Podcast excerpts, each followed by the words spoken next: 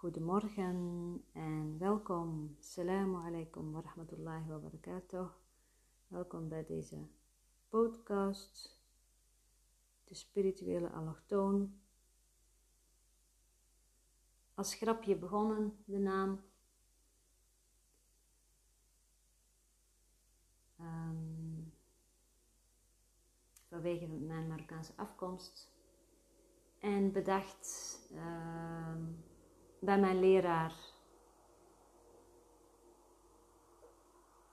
En ehm, ja, het is wel een eh, mooie herinnering. Ik heb wel eens eh, van iemand uh, te horen gekregen dat het niet goed is om jezelf zo te profileren. die persoon was zelf ook, zeg maar, niet van, nou ja, geen autochtone Nederlander. En um,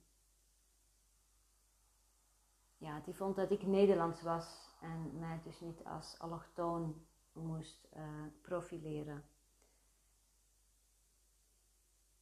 Ik vond dat wel grappig. En dat zegt uh, ook gelijk over hoe de ander uh, zichzelf ziet, namelijk als een afgescheiden zelf. En um, ja, ik gebruik het juist omdat ik weet dat het namelijk niets betekent. Dus voor mij maakt dat niet uit. Ik vind het nog steeds een leuk grapje en knipoog.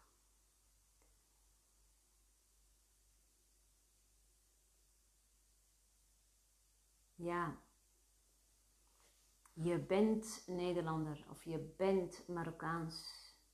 Je bent moslim of je bent het niet. Um, ja, we moeten daarvoor uh, waken om niet in een uh, hokje gestopt te worden en om daar vooral zelf niet aan mee te doen. Maar simpelweg door het leven te bewegen zonder, uh, zonder ons ergens aan vast te houden, aan een bepaalde principes of conditionering of geloofsovertuiging.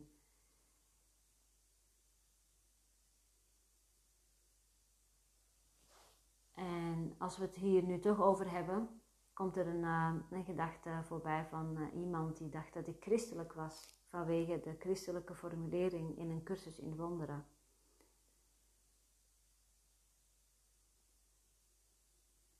Nou, ik weet dat, um, dat deze cursus voor iemand die echt, uh, um, nou ja, de echte Bijbel, alleen alleen de Bijbel aanhoudt, en ik ken mensen ook persoonlijk. Ik woon natuurlijk in Dalfsen en uh, ik heb in Rauwveen gewoond, een vrij christelijke omgeving.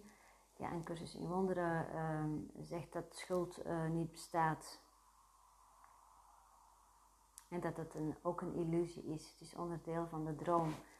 Dus dat, eh, dat druist in tegen het idee van zonde en schuld. Um, en er zijn natuurlijk heel veel stromingen in het christendom. Dus ik zeg niet dat dat voor alle stromingen geldt. Maar in ieder geval de stromingen uh, die ik, zeg maar, uh, waar ik een persoonlijke ervaring mee heb. Maar omdat je dan bepaalde woorden hoort, zoals Christus of de Heilige Geest. Hè, de Heilige Geest uh, is het woord, de benaming die gebruikt wordt in een cursus in wonderen om uh, de brug uh, als metafoor voor de brug naar het ware zelf. Um, en als innerlijke leraar, uh, de brug, hebben we nodig om daar te komen. We hebben, nou ja, vanuit ons afgescheiden staat van zijn, hebben we die stem nodig die ons wakker roept en die zachtjes zegt: Hey, hallo, jij daar, je slaapt. Er is niets aan de hand. Word wakker. Sta op.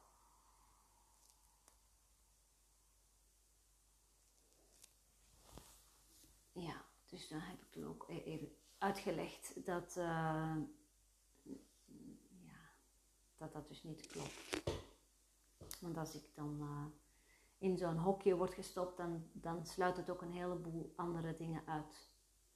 En daar heb ik altijd uh, al een beetje moeite mee gehad. Dat is wel het aard van het beestje. Um, tot ik op een gegeven moment leerde dat het prima is om verschillende, door verschillende hokjes heen te wandelen en te lopen en simpelweg te kijken. En te ervaren zonder iets vast te pakken, zonder te zeggen dit is beter als dat. En omdat um, ja, wij mensen de neiging hebben om onszelf te identificeren met een bepaald hokje, omdat we immers, ja, we geloven daarin, dus we gaan ons daaraan hechten, wordt het heel belangrijk als iemand anders nou, daar kritiek over heeft. En zo zit je dus in een, uh, in een oorlog van aanvalverdediging.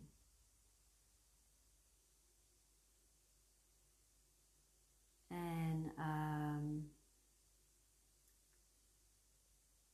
simpelweg dit, zien en naar kijken is voldoende. Want op het moment dat je er naar kijkt, dan krijg je al een ander perspectief. Dus in plaats van uh, in die hokjes, tussen die hokjes en eromheen te lopen, is er ook nog een andere manier van kijken en dat is van bovenaf. En daarin uh, ligt een enorme bevrijding.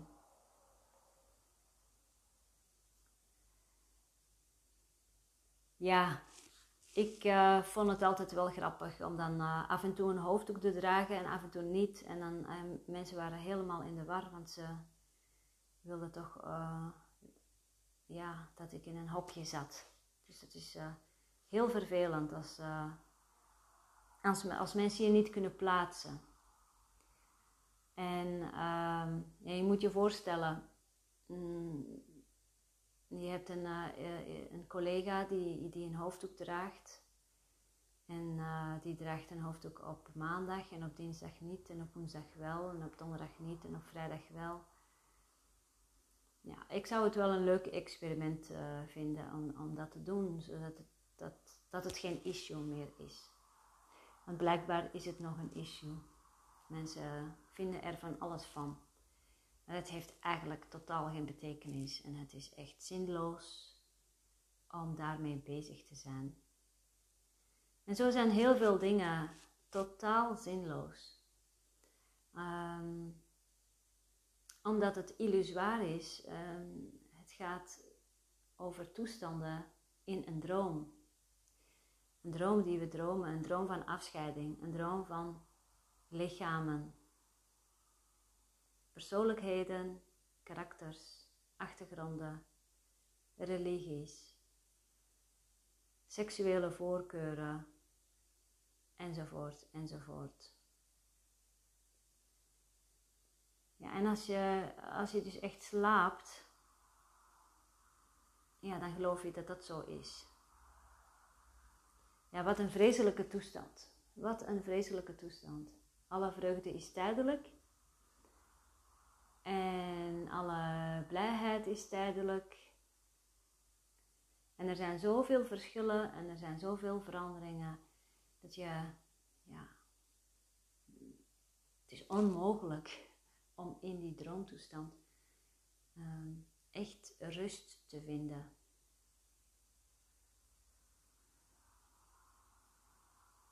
En daarom is het dus essentieel om uh, een moment stil te worden en naar binnen te keren en daar simpelweg naar te kijken.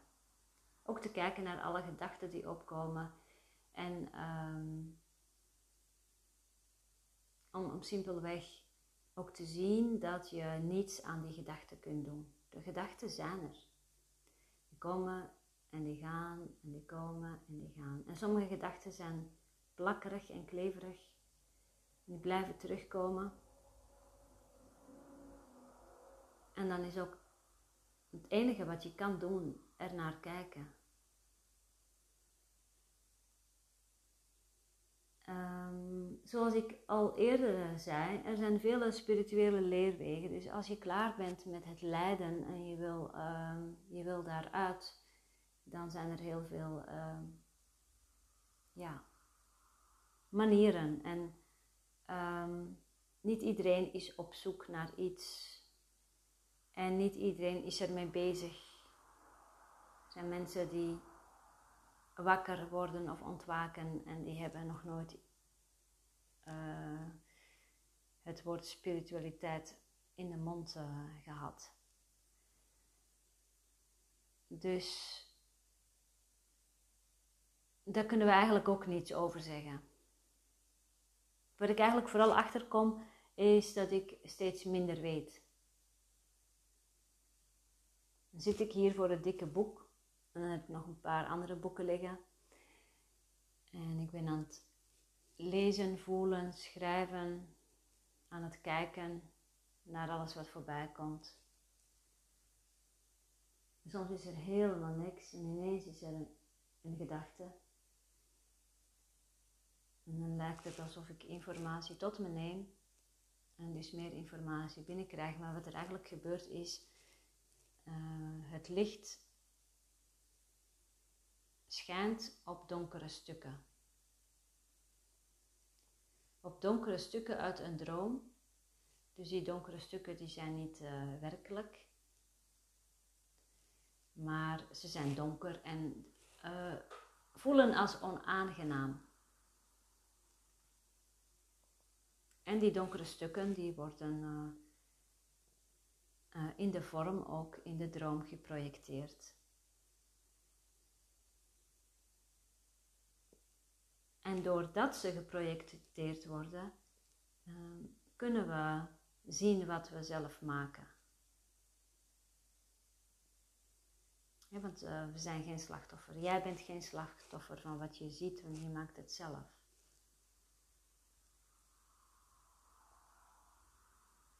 Jij bent verantwoordelijk voor wat je maakt.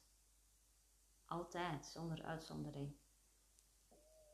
Uh, dus dankzij dit gegeven, dat het, dat het terug, dat het weer naar je toe komt, kun je er naar kijken en dan een nieuwe keuze maken. Oh ja, ik heb dus, dit heb ik gemaakt. Waarom zou je lijden maken? Waarom zou je situaties creëren van schuld, gebrek, beperking? Waarom zou je dat doen? Als je wist dat je het uh, zelf maakte, als je er echt bewust van uh, was, ja, dan, dan zou je daar gelijk mee stoppen.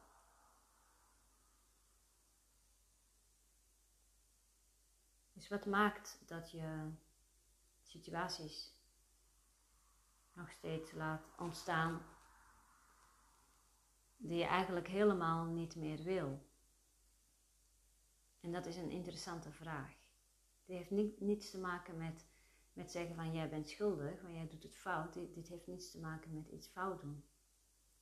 Dit heeft te maken met oprecht zijn en je verantwoordelijkheid nemen. En dus naar binnen gaan kijken naar de oorzaak. De oorzaak is in de kern het idee dat je afgescheiden bent. En dat idee van afgescheiden zijn roept heel veel op. Onder andere, je bent alleen, je moet het alleen doen. En er is gevaar. Want er zijn zoveel anderen. En dat is dus een idee, een onjuist idee. Door daar consequent mee bezig te zijn, uh, kun je grote stappen zetten.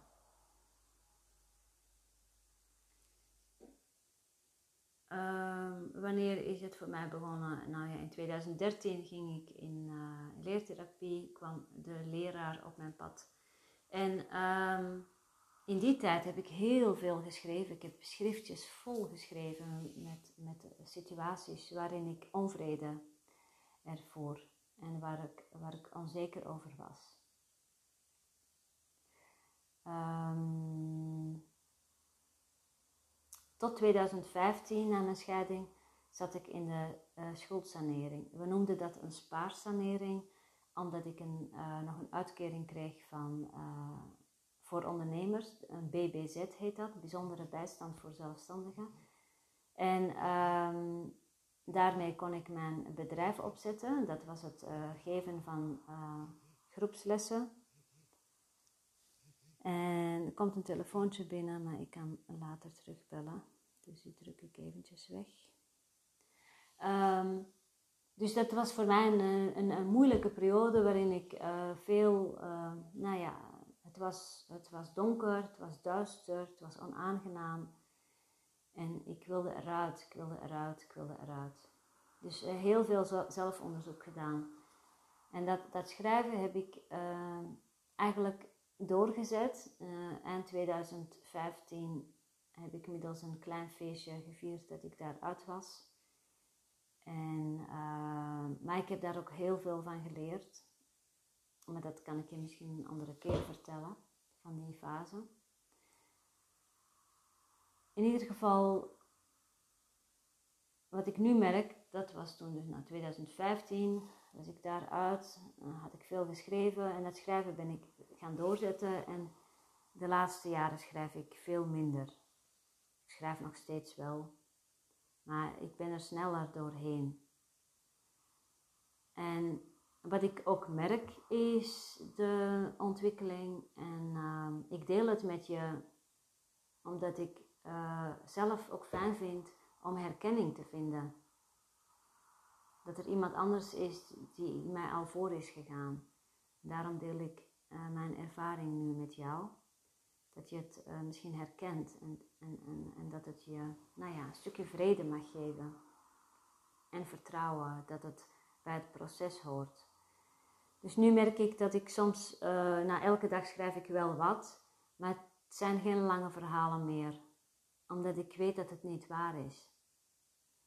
En uh, ik heb, ben daar al zo vaak doorheen gegaan dat je op een gegeven moment, ja, dan schrijf je misschien nog één zin en dan en met sommige dingen dan kijk ik ernaar en dan denk ik, nee, dit ga ik niet opschrijven, want het is gewoon niet waar.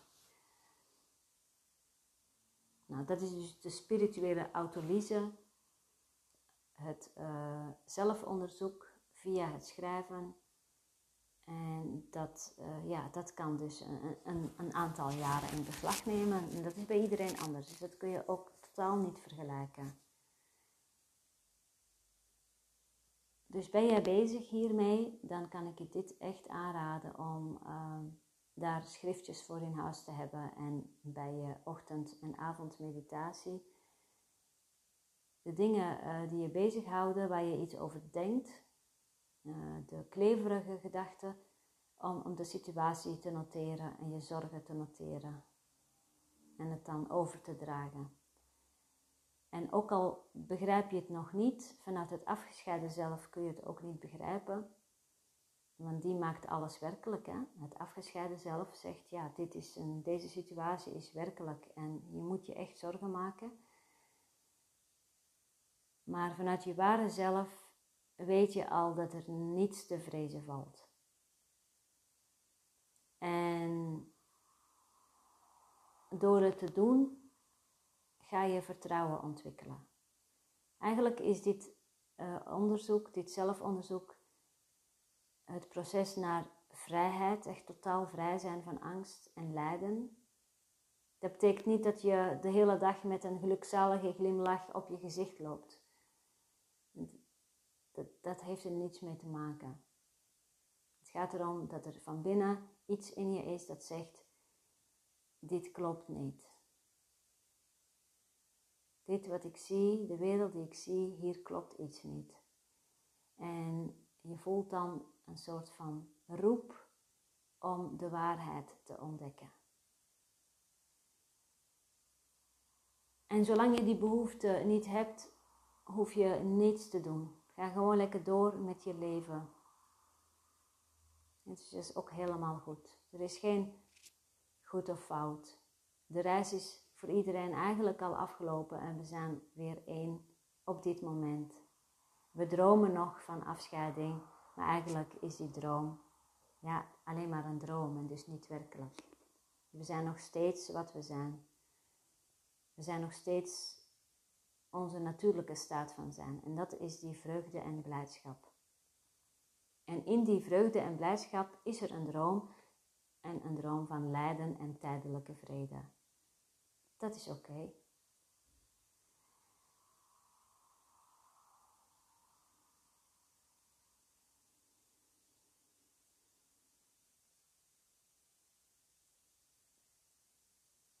Ik ben verantwoordelijk voor wat ik zie en jij bent verantwoordelijk voor wat je ziet. En dit is een heel belangrijk gegeven. Jij bent niet het slachtoffer van de omstandigheden waarin je zit of van de wereld. Jij hebt de wereld die je ziet zelf gemaakt.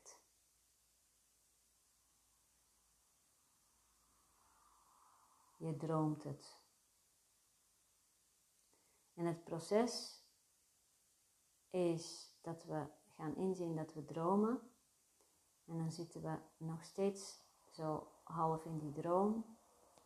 En wat er dan gebeurt is dat de nachtmerrie van lijden, op het moment dat we inzien dat we nooit kunnen lijden, dat we nooit gebrek kunnen ervaren, dat er wel allemaal gedachten zijn en dat de gedachten ook ehm, als gevolg een emotie hebben die we uh, lijfelijk kunnen waarnemen. Dat hoort, dat is onderdeel van de droom.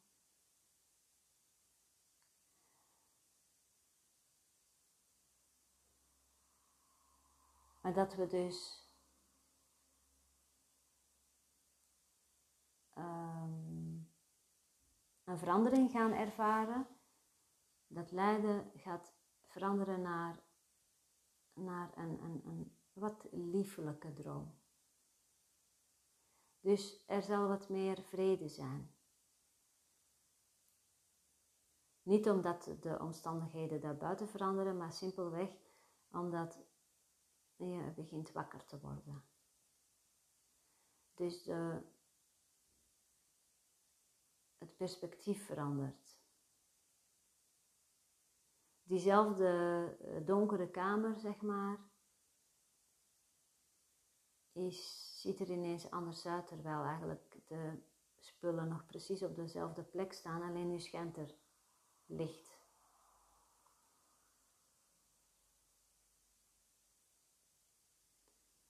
Dus de grauwigheid verdwijnt en er is steeds meer vrede.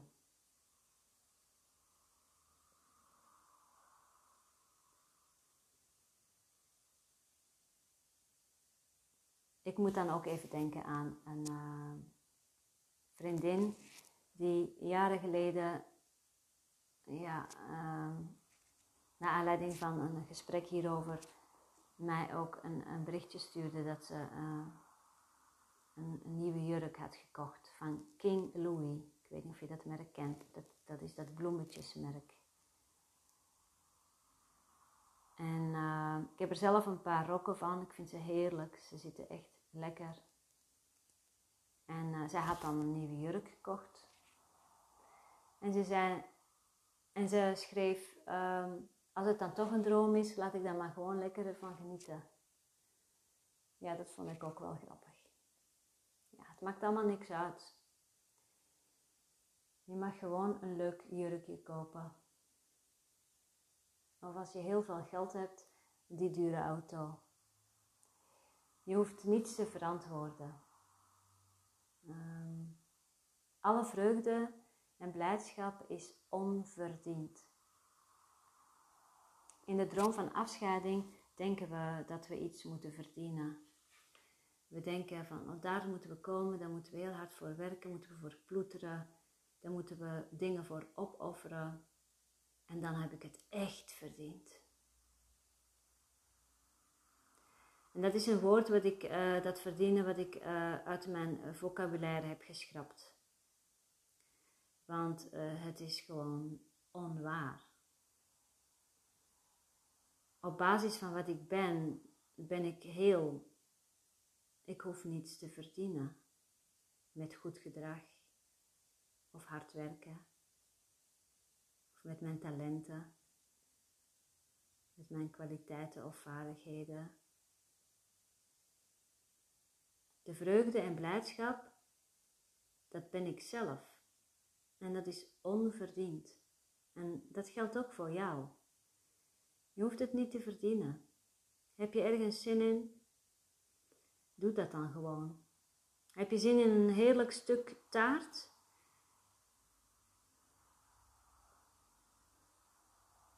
En heb je nog helemaal niks gedaan?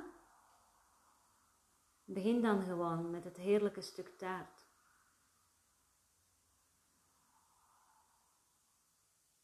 Het is onverdiend. Gelukkig maar.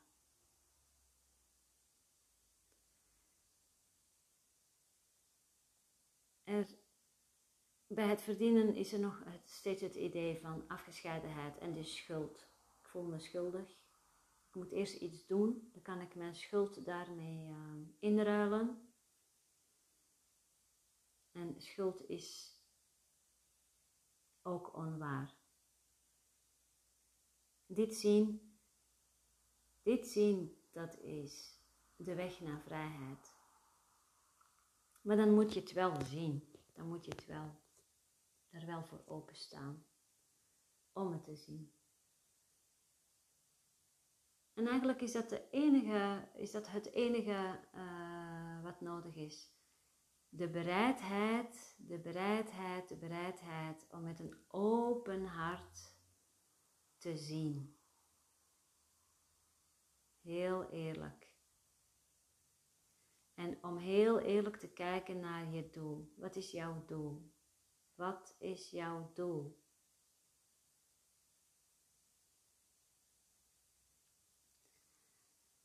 Ik zit weer uh, in de keuken vandaag en ik, terwijl ik aan het praten ben, is er, zijn er al een tijdje een heleboel mussen op het heg. Wat steeds bruiner aan het worden is. Ik zie er 1, 2, 3, 4 op dit moment. Je ziet het er bovenop, maar ik zie ook wat beweging in het heg zelf.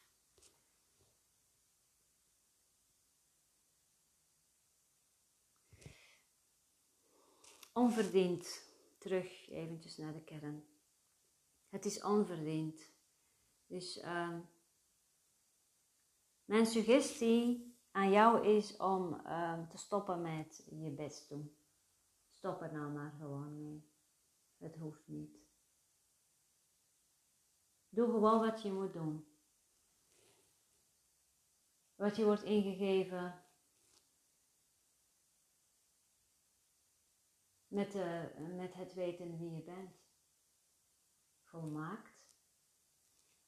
Uh, heilig. Vrij.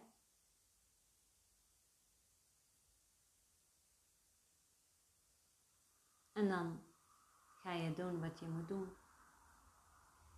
Als je een baan hebt en je gaat gewoon naar je werk met dit weten, dan zul je uh, misschien nog steeds dezelfde werkzaamheden uitvoeren, maar met een veel lichter hart.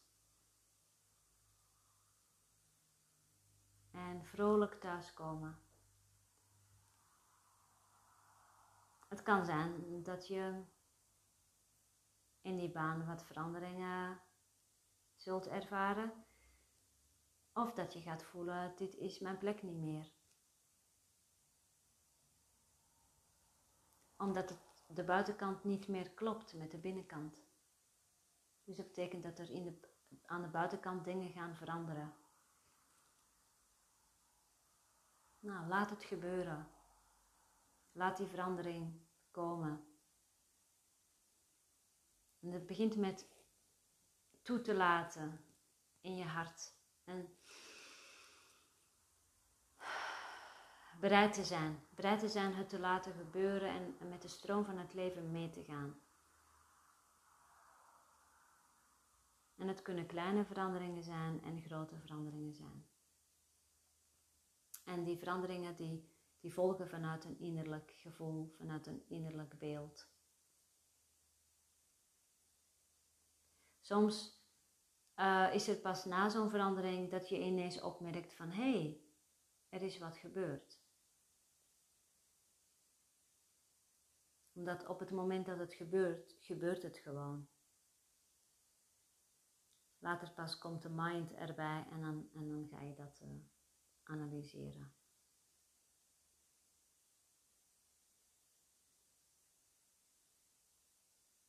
Dus het maakt helemaal niet uit wat je in de vorm doet.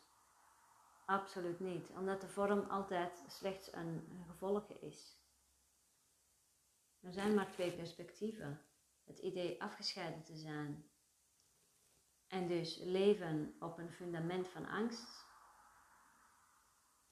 Of het andere perspectief, weten dat die afscheiding slechts gedroomd wordt, dat die niet werkelijk is en dat die nooit bestaan heeft. En dat dus ook angst niet werkelijk is. En dat jij liefde bent. Dat maakt het ook heel eenvoudig. Het is helemaal niet moeilijk.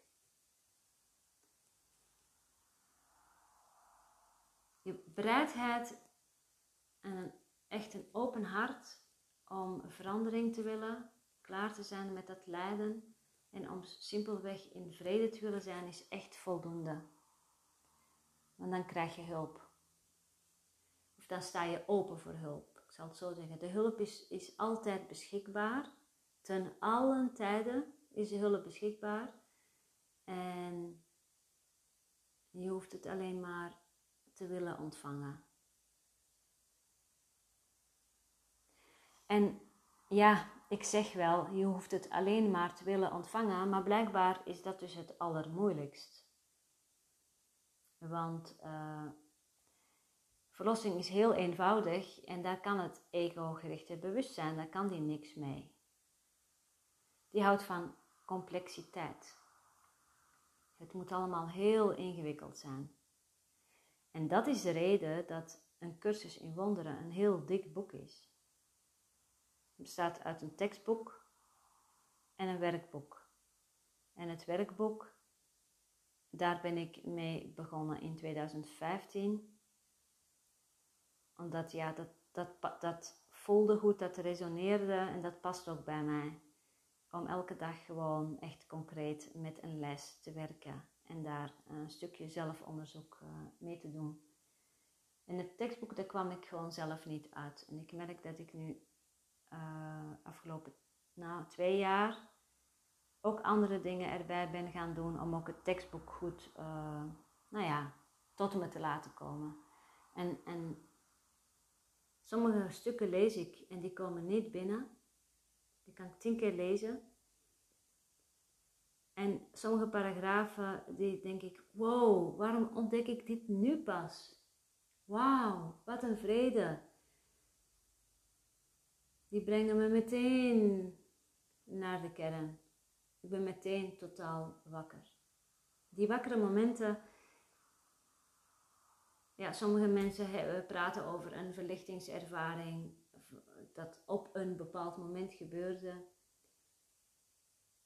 Ik geloof dat ik zo meerdere momenten in mijn leven heb gehad, maar dat bij mij een beetje geleidelijk, uh, geleidelijk is. ik heb wel, ik kan me herinneren dat ik een keer uh, bij een, een, een, netwerkgelegenheid was in de provincie Drenthe. Uh, het was een ontbijt. En het was vrij druk. En daarna ben ik gaan wandelen. Um, in het uh, Balloerveld. In uh, Loon is dat, in, in, vlakbij Assen. En um, ik, zag, ik zag ineens dat het een droom was. En er zijn eigenlijk geen woorden voor. Als je zelf zulke ervaringen hebt gehad, dan weet je wat ik bedoel. En anders, dan zul je dat nog een keer ervaren. Eh, er zijn geen woorden voor, maar als ik het dan toch probeer, ik, dan gebruik ik graag het metafoor van Legoland.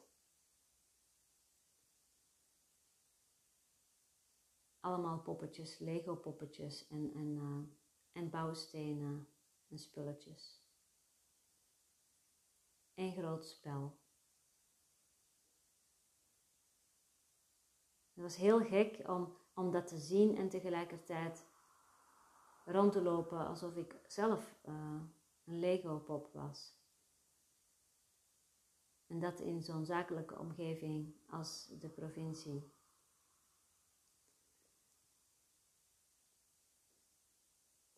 Ja.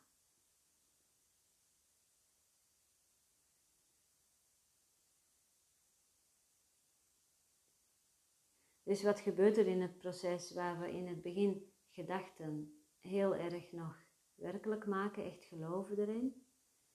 Dat op een gegeven moment dan, dan, dan komen de gedachten en zijn ze snel voorbij en ze, ze plakken niet meer.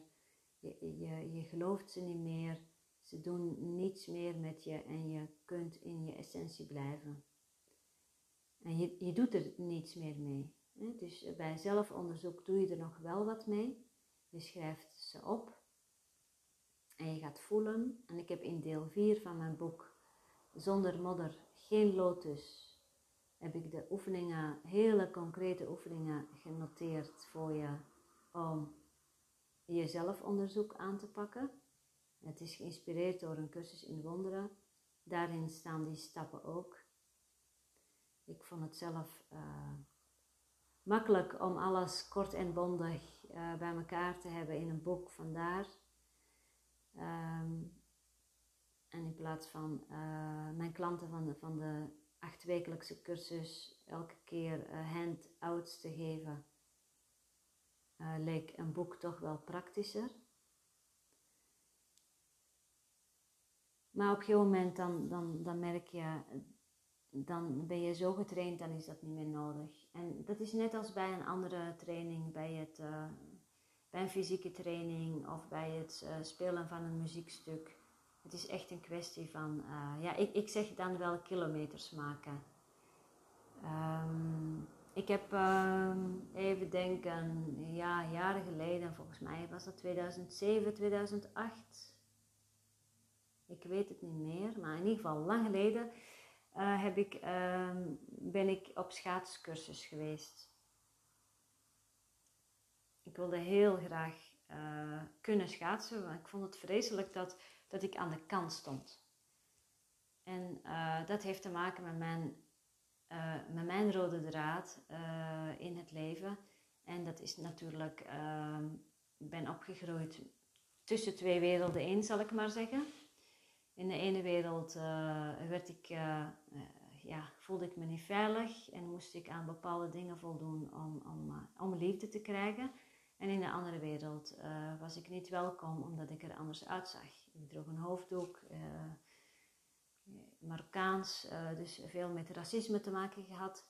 Dus ik heb altijd, het, ik, heb, ik heb al heel vroeg voor mezelf bedacht, hé, hey, ik hoor er niet bij. Ik mag niet mezelf zijn. Ik, zoals ik ben, dat is niet goed genoeg. De meeste van onze, onze, onze thema's, die liggen toch echt wel in de jeugd. Nee, wat dat betreft, als je naar de wereld kijkt, dan is het één grote kleuterschool. En ja, ik moet, er, eh, ik moet erom lachen. Dus we blijven dingen projecteren die in onszelf zitten. En wanneer we naar binnen gaan en bij de oorzaak komen, dan kunnen we daar uh, een nieuwe keuze in maken. Dus toen ik klein was en voor het eerst die gedachte opkwam, dat was een vergissing. Die gedachte kwam op en ik heb me gewoon vergist. En dan ga je de oorzaak, de wortel, die ga je dan, ja, de cursus gebruikt dan het woord altaar, op het altaar leggen en dat draag je over aan het ware zelf. Dus je waarneming wordt dan getransformeerd voor visie, voor waarheid. Dat is iets wat we niet zelf kunnen, vanuit een afgescheiden toestand. Daar hebben we hulp voor nodig. Dat is wat de Heilige Geest doet, of noem het maar. Als je allergisch bent voor christelijke formulering, ja, noem het maar de bron of het ware zelf of je innerlijke gids. Dat is misschien een mooie. Je innerlijke leraar of je engelen. Wat, wat ook maar voor je werkt. Woorden zijn slechts symbolen. Dus gebruik wat voor je werkt. En zodra het niet meer werkt, laat het dan los en gebruik dan iets anders.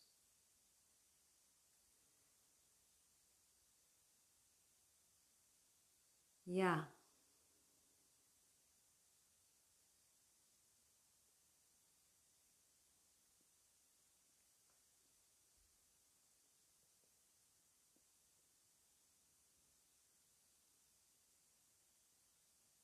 Wanneer uh, verbinding een binding wordt, maak je weer los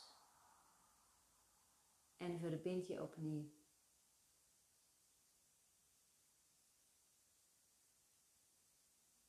Die heb ik ooit ergens in gelezen. Ik heb geen idee waar het vandaan komt, maar daar moet ik nu even aan denken.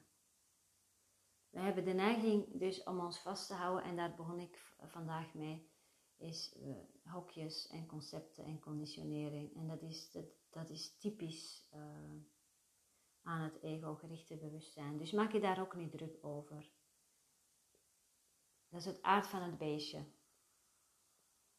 Maar er is wel verandering mogelijk door simpelweg bereid zijn om ernaar te kijken en dan een nieuwe keuze te maken. En dat is het trainen van de denkgeest. En de mind en het lichaam, beide instrumenten, die zullen dan in dienst van het ware zelf uh, kunnen doen, uh, in actie komen. Dus op zichzelf zijn de mind en het lichaam zijn ze heel neutraal. En uh, ze krijgen betekenis wanneer ze worden gebruikt door het ene of het andere. Dus door angst. Ik ben afgescheiden aanval-verdediging modus. En voorwaardelijke vreugde en blijdschap en liefde. Tijdelijkheid, veranderlijkheid. Ziekte en dood. En het andere is simpelweg laat het leven het leven zijn. Bemoei je niet met het leven.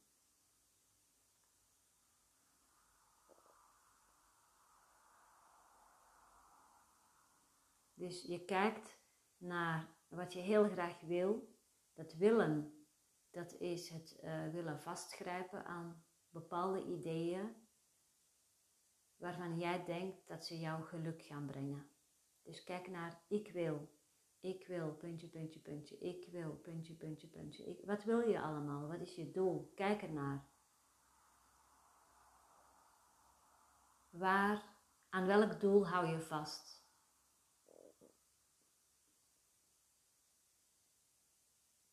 En ben je bereid om dit los te laten? Dat is mijn vraag aan jou. Ben je bereid om dit doel? En uh, mijn suggestie is dat je het opschrijft. je het gewoon gaat opschrijven. En dat, kan, dat kunnen een aantal bladzijden zijn. En je kunt misschien een, een bepaald levensvlak pakken. Mijn doel op het gebied van werk. Of mijn doel op het gebied van mijn ouderschap. Wat voor vader wil ik zijn, wat voor moeder wil ik zijn. Mijn doel op het gebied van het milieu. Kijk maar wat er bij je opkomt. Gewoon beginnen.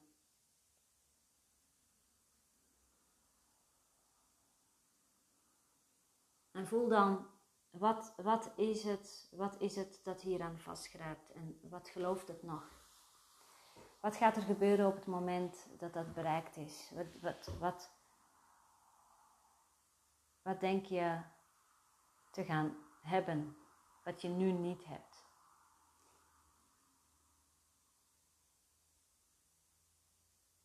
En het is absoluut niet verkeerd om dat doel na te willen streven.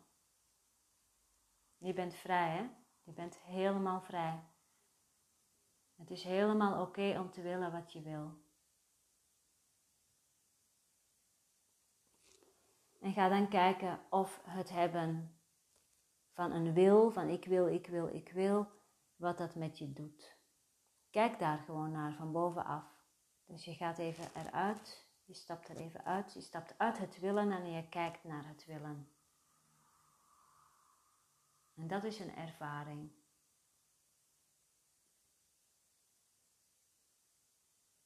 Op een gegeven moment ga je ontdekken uh, dat het niet nodig is iets te willen. Omdat alles je gegeven is. En dan ga je het willen, gaat, gaat verdwijnen en wat er voor in de plaats komt is het toelaten. Je laat het simpelweg toe. Wat laat je toe? De waarheid. De weerstand uh, verdwijnt.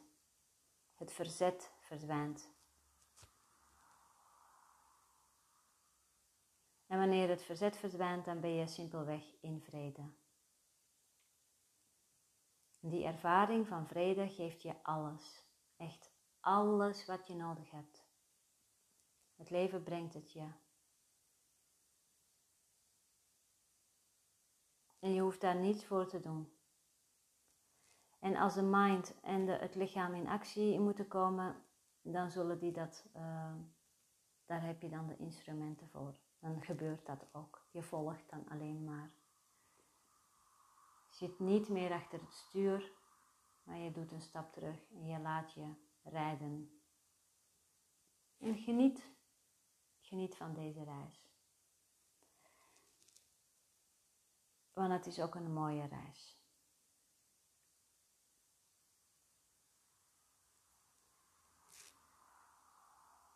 Ja, ik zie uh, dat we inmiddels alweer 47 minuten bezig zijn. Er, um, ja, het is wat het is. Ik probeer ook daar geen uh, gedachten over te hebben van wat moet het worden. Moet het kort zijn? Ik weet het niet. Ik weet nooit wat ik ga zeggen. En ik doe simpelweg wat ik moet doen en ik laat het leven het mij vertellen. Wetende dat alles zeer, zeer, zeer goed is. En dat ik daarom het allerbeste mag verwachten. Uh, nog even kort. Morgen 21 juli om 7 uur s avonds. Vanaf 7 uur s avonds kun je online inloggen voor de volle maandenworkshop. De kracht van overgave. Dat gaan we ervaren. Kijk op mijn website samirahala.nl als je interesse hebt. Ik wens jullie vrede. Dank je wel Dankjewel, dankjewel voor het luisteren. En Assalamu alaikum wa rahmatullahi wa barakatuh.